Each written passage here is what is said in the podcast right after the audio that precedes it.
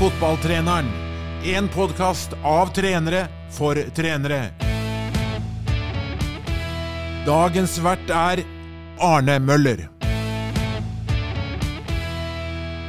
Han var en solid landslagsback. Han fikk oppleve drømmen å reise ut og bli utenlandsproff i både Belgia og Danmark. Nå er han tilbake i Tromsø, der han er samfunnskontakt og spillerutvikler. Og vi har lyst til å snakke om begge deler. Tom Høgli er dagens gjest. Tom, velkommen i vårt fotballtrenerstudio. Ja, tusen takk. Du reiste jo ut da du var ganske voksen, du. Ja, hvor gammel var du da du dro ut? Jeg dro ut i 2011. Da var jeg 27. Akkurat. Og da, eh, jeg, jeg slo jo egentlig ikke igjennom på toppnivå i Norge før jeg var 3-24. Mm. Før det så var jeg litt innom i Eliteserien Tippeligaen og gjorde det greit. Mm. Men jeg slo ikke ordentlig gjennom før jeg var ganske opp i årene. Så eh, det er klart når jeg var 27, så var det nok det siste toget for min del. Hvis jeg skulle komme meg ut, så, Ja. så var det det da. Men det var kanskje en fordel òg. Altså jeg, jeg var sjøl 28 når jeg reiste ut, øh, og jeg så på meg sjøl kanskje som en litt late bloomer, men er det litt sånn du så på det, eller? Ja, Ja. Det, det gjør jeg absolutt. Ja. I hvert fall på toppnivå. Sånn Ja. Lokalt, og når jeg vokste opp, så var jeg jo en flink fotballspiller. Mm. Men sånn på toppnivå og det ypperste i Norge, så var jeg seint ute, ja. Ja. Og da dro du til Belgia og Brygge. Det var i tre år. Mm. Kom ned der i ei veldig turbulent tid. Ny eier. eh, De jobba veldig med å finne sin vei. Eh, Fem trenere på tre år, to-tre sportsdirektører, utskiftning av leger og fysioer. Og, eh, og det meste. Så, så det var selvfølgelig Jeg hadde en fin tid, men det var også ei turbulent tid. Mm. Det Mm. var det. Og så gikk veien til København. Så jeg var i København i tre og et halvt år. eh, Ståle som henta meg dit. Mm. Eh, fantastisk klubb, fantastisk by. Eh, fikk være med å vinne seriegull, cupgull, Champions League, Europa League. Det var, det var, det var en stor tid. Være, det var et stort lag å være en del av. Det var, Mm. den, den tida var virkelig Nesten så jeg skulle ønske at den tida kom enda tidligere i karrieren min, sånn at jeg kunne ha vært der enda lenger. Akkurat. Ja. Tom, jeg har lyst til å eh, komme tilbake til noe av dette her, og noen av erfaringene der. Men jeg har også lyst til at vi i andre omgang skal snakke litt om den samfunnsengasjerte Tom. For du er jo aktiv der, da. For det er vel en del av jobben din i dag, er det ikke det? Ja, er 50% av min stilling skal gå til samfunnsprosjekter. Typ, Mm. eh, typ gatelag for de innenfor rus og psykiatri. Vi sender spillerne på skolebesøk til fengselet i lag med Bymisjonen. Mm.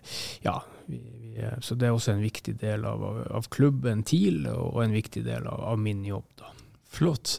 La oss gå tilbake til forsvarsspilleren Tom.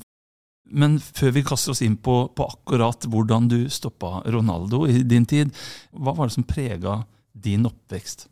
Nei, Jeg pleier å si at jeg er en, en gutt med sikkert et samme oppveksten som de fleste andre. Glad i idrett, men jeg hadde ingen ambisjoner.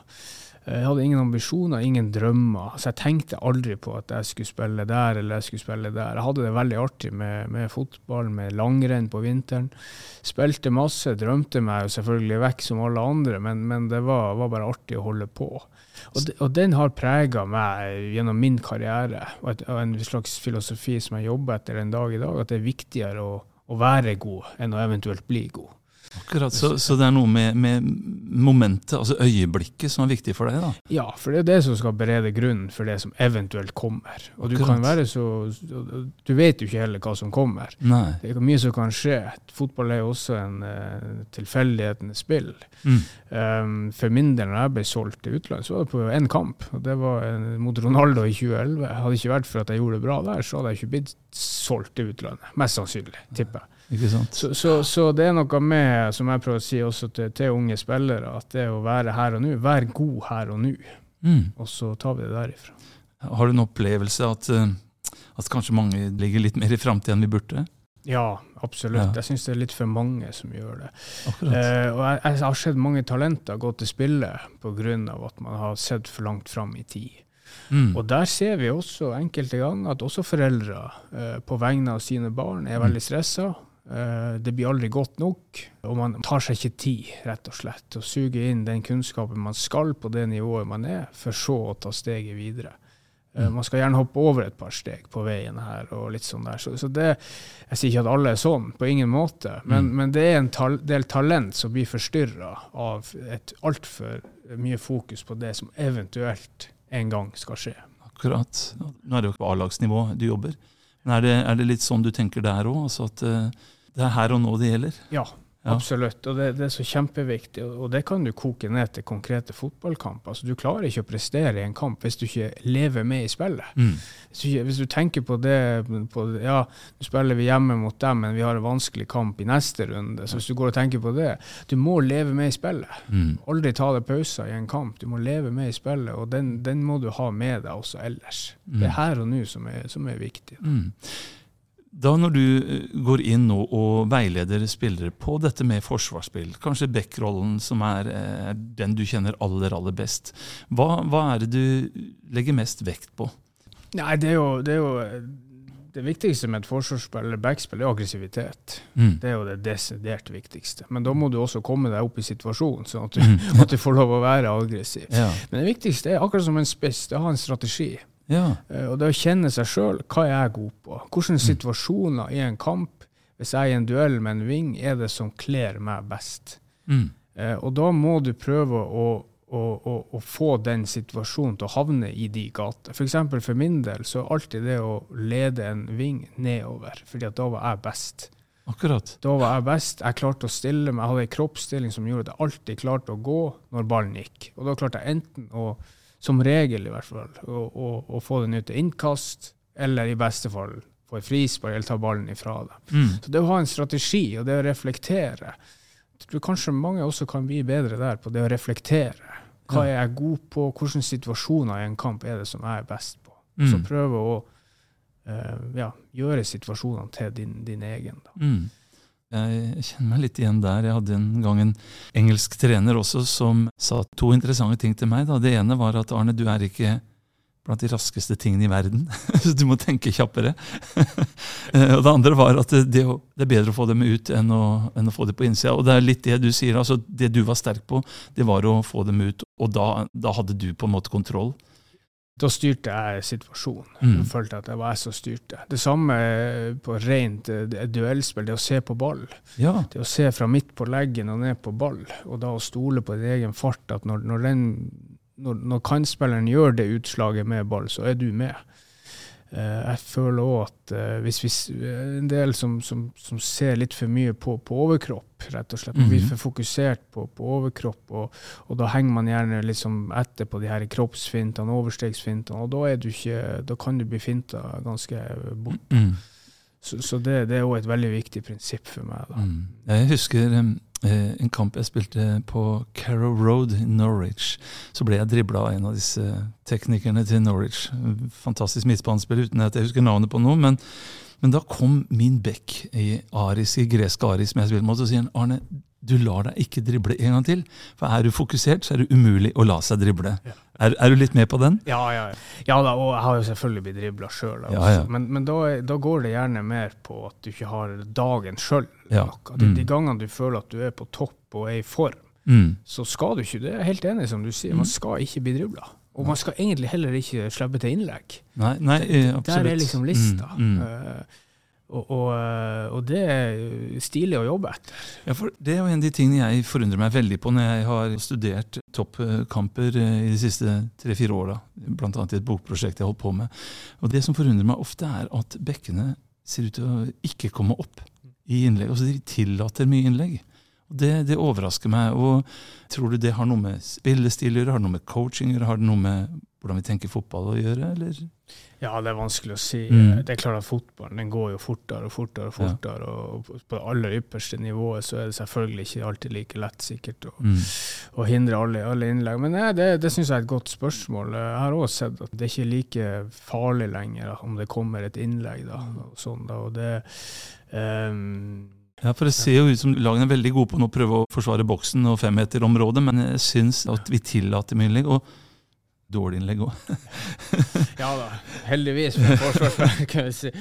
Eh, men, da, men jeg ser jo også backrollen har utvikla seg veldig med årene. Mm. Det er jo like viktig det som skjer offensivt. og det er klart at Backene i dag er på ypperste nivå. De er vel kanskje best offensivt. Det er ikke så mange igjen av den litt kjedelige typen som er En av mine store forbilder var jo Javier Sanetti, på, Mm. som spilte Inter Mm. i City. Han var jo ekstrem, syns jeg, også defensivt. Men, eh, men det er nok eh, sikkert mange momenter som, eh, som spiller inn der. Og et, et annet punkt som jeg syns er viktig med, med backspill, det er jo de beste situasjonene er jo de som aldri blir noe av.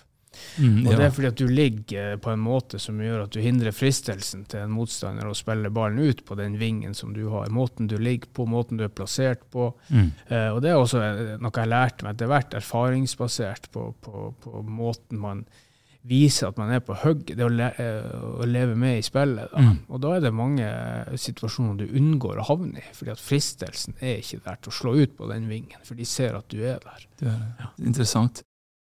Du må ha en strategi, du ser på ballen. Hadde du noen andre sånne merkelapper som du så etter i din strategi? der? Ja, altså det var ekstremt på det å forberede meg på hvem jeg skulle spille mot. Klart Spiller du i seriespillet, så du ofte, kjenner du mange av de du skal Mm, spille mot. mm. Da, men, men internasjonale kamper brukte alltid mye tid på video. På, på å danne meg et bilde av hva man skal møte. Eh, og så er det litt av det jeg nettopp sa, det å hindre at situasjoner oppstår. Jeg har jo vært veldig opptatt av at når spillet, hvis jeg spiller høyre back og spillet er på motsatt side, så jeg er veldig opptatt av å ligge litt bredere enn det som kanskje står i boka.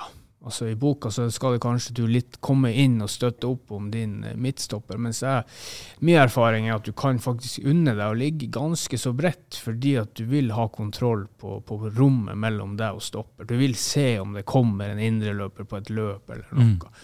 Og da er du også i en posisjon til at når eventuelt vending av spill kommer, så er du der. Når, når, for at ballen skal tross alt transporteres i lufta noen, noen meter, og da er du der ute. Mm.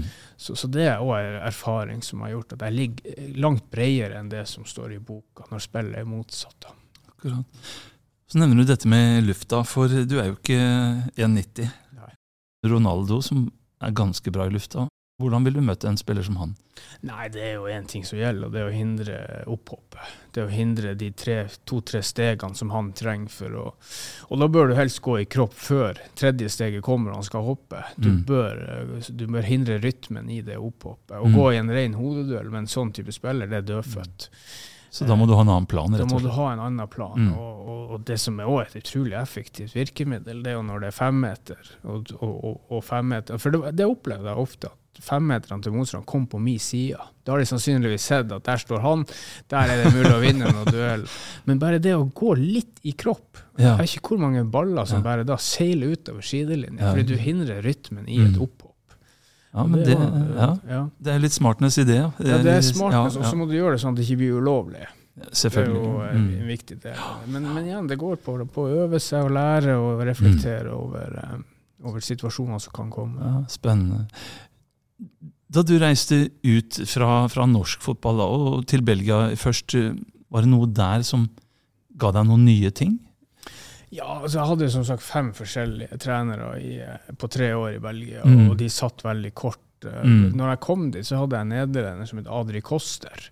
Spilte med Halvard Thoresen annet i, i Holland i Mm, sin tid. Um, han var litt mer sånn manns... Uh, likte å spille litt mann-mann. Ikke så Mm. ekstremt, men da var det litt mer mannsmarkering holdt jeg på å si, Mm, enn det jeg mm. var vant med. Mm.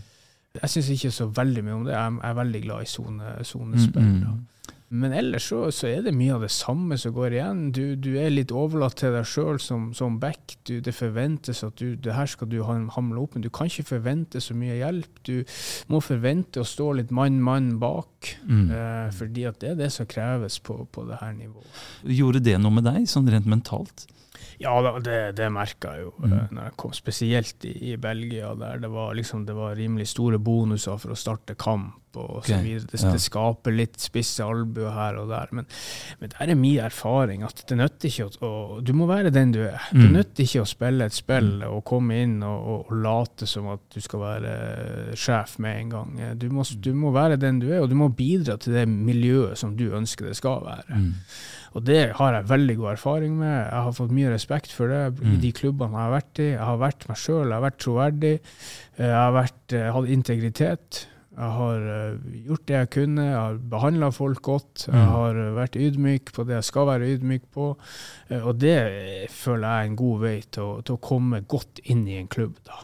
Jeg ser en del spillere når jeg kommer, kommer i nye klubber som en, en litt sånn påtatt uh, skal være, komme inn og være så trygg og ta rommet og ta plass, og, og det her, og så kommer du ut på banen, og så er det ingenting. liksom. Så, så, så er min erfaring bruk den tida du trenger til å sette deg i ei gruppe og, Mm. og få den respekten du skal ha. Så her eh, er det gode norske verdier. Det, det ser ut til å funke der òg. Ja, Ja, ja. ja, det er Mm. min erfaring. ja, flott. Du snakker om dette med at du trivdes i barndommen. Det var ingen press, trivsel var veldig viktig for deg, osv. Men så sier du også det at eh, når du kom på topp, topp nivå, så var på en måte også redsel en drivkraft. Si noe om det. Ja, øh, hvis jeg skal være helt sånn grovt sagt, så syns jeg fotball var artigst fra jeg var seks til jeg var 16 år. Akkurat. For da kom jeg, jeg kom inn i toppfotballen, og det ble helt andre krav, det ble et Mm. annet press. Mm. Uh, men det jeg mener, det er at, å, at du må trives i ei gruppe for å Mm. være den beste utgaven av deg sjøl. Mm. Da gir du av deg sjøl i gruppa, og du har den nødvendige tryggheten ut på banen. Det jeg mener med frykt, det er ikke frykt overfor deg sjøl, men det er for å skuffe lagkamerater. Det er for å Mm. skuffe familien som Mm. sitter og ser på. Skuffe supporterne, skuffe det norske folk hvis du spiller på landslaget. Mm. Det er nettopp fordi at du har en posisjon i laget. De, Mm. de stoler på deg, og du er velkommen her til å spille, men du må levere for oss.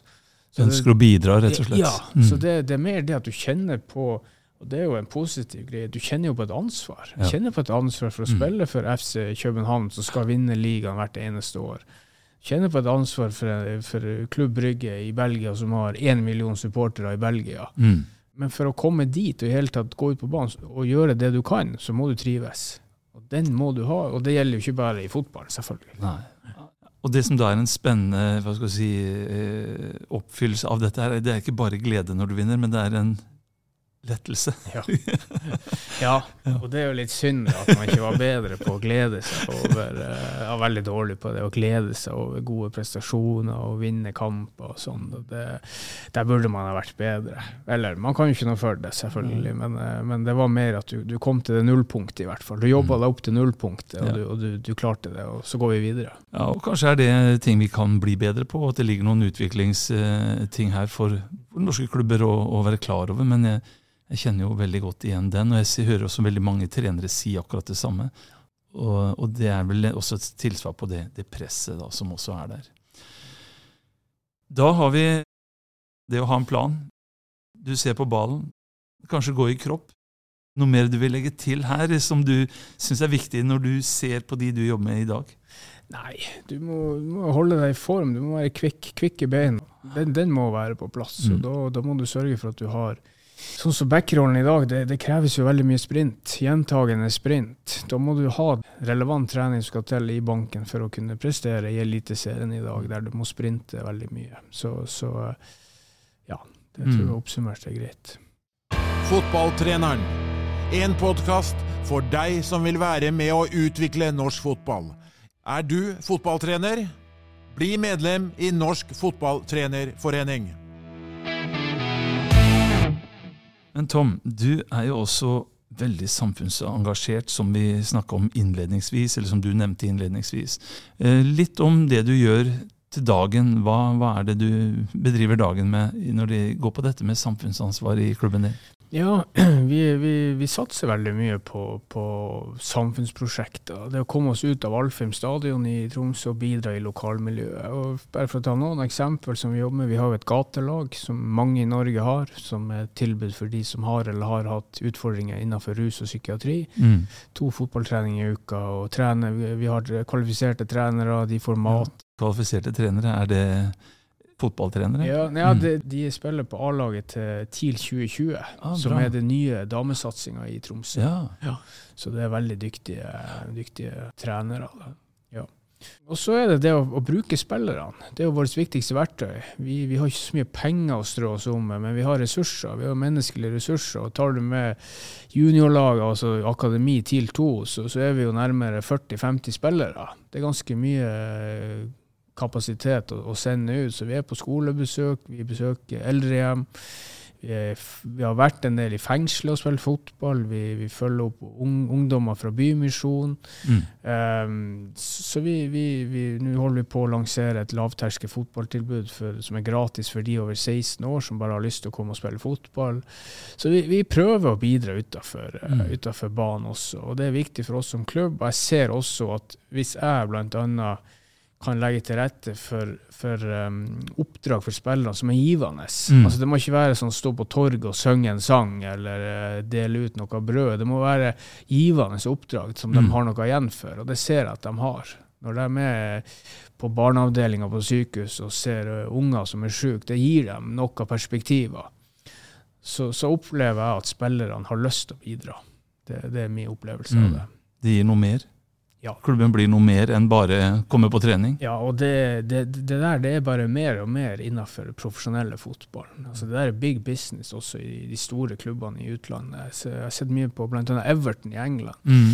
Måten de driver det her. Altså, det, det, det er altså enorm stiftelse de har, og de har noen enorme programmer som gir enorme ringvirkninger for lokalmiljøet. Ja, fordi hvis det blir bare kjøp og salg, så er det jo ikke så veldig spennende å være medlem og supporter. For, for kjøp og salg er jo noe jeg strengt tatt eh, ikke kan ta del i. Eller blir kjøp og salg liksom greia? Eller må vi gjøre dette for å, for å skape gode klubber?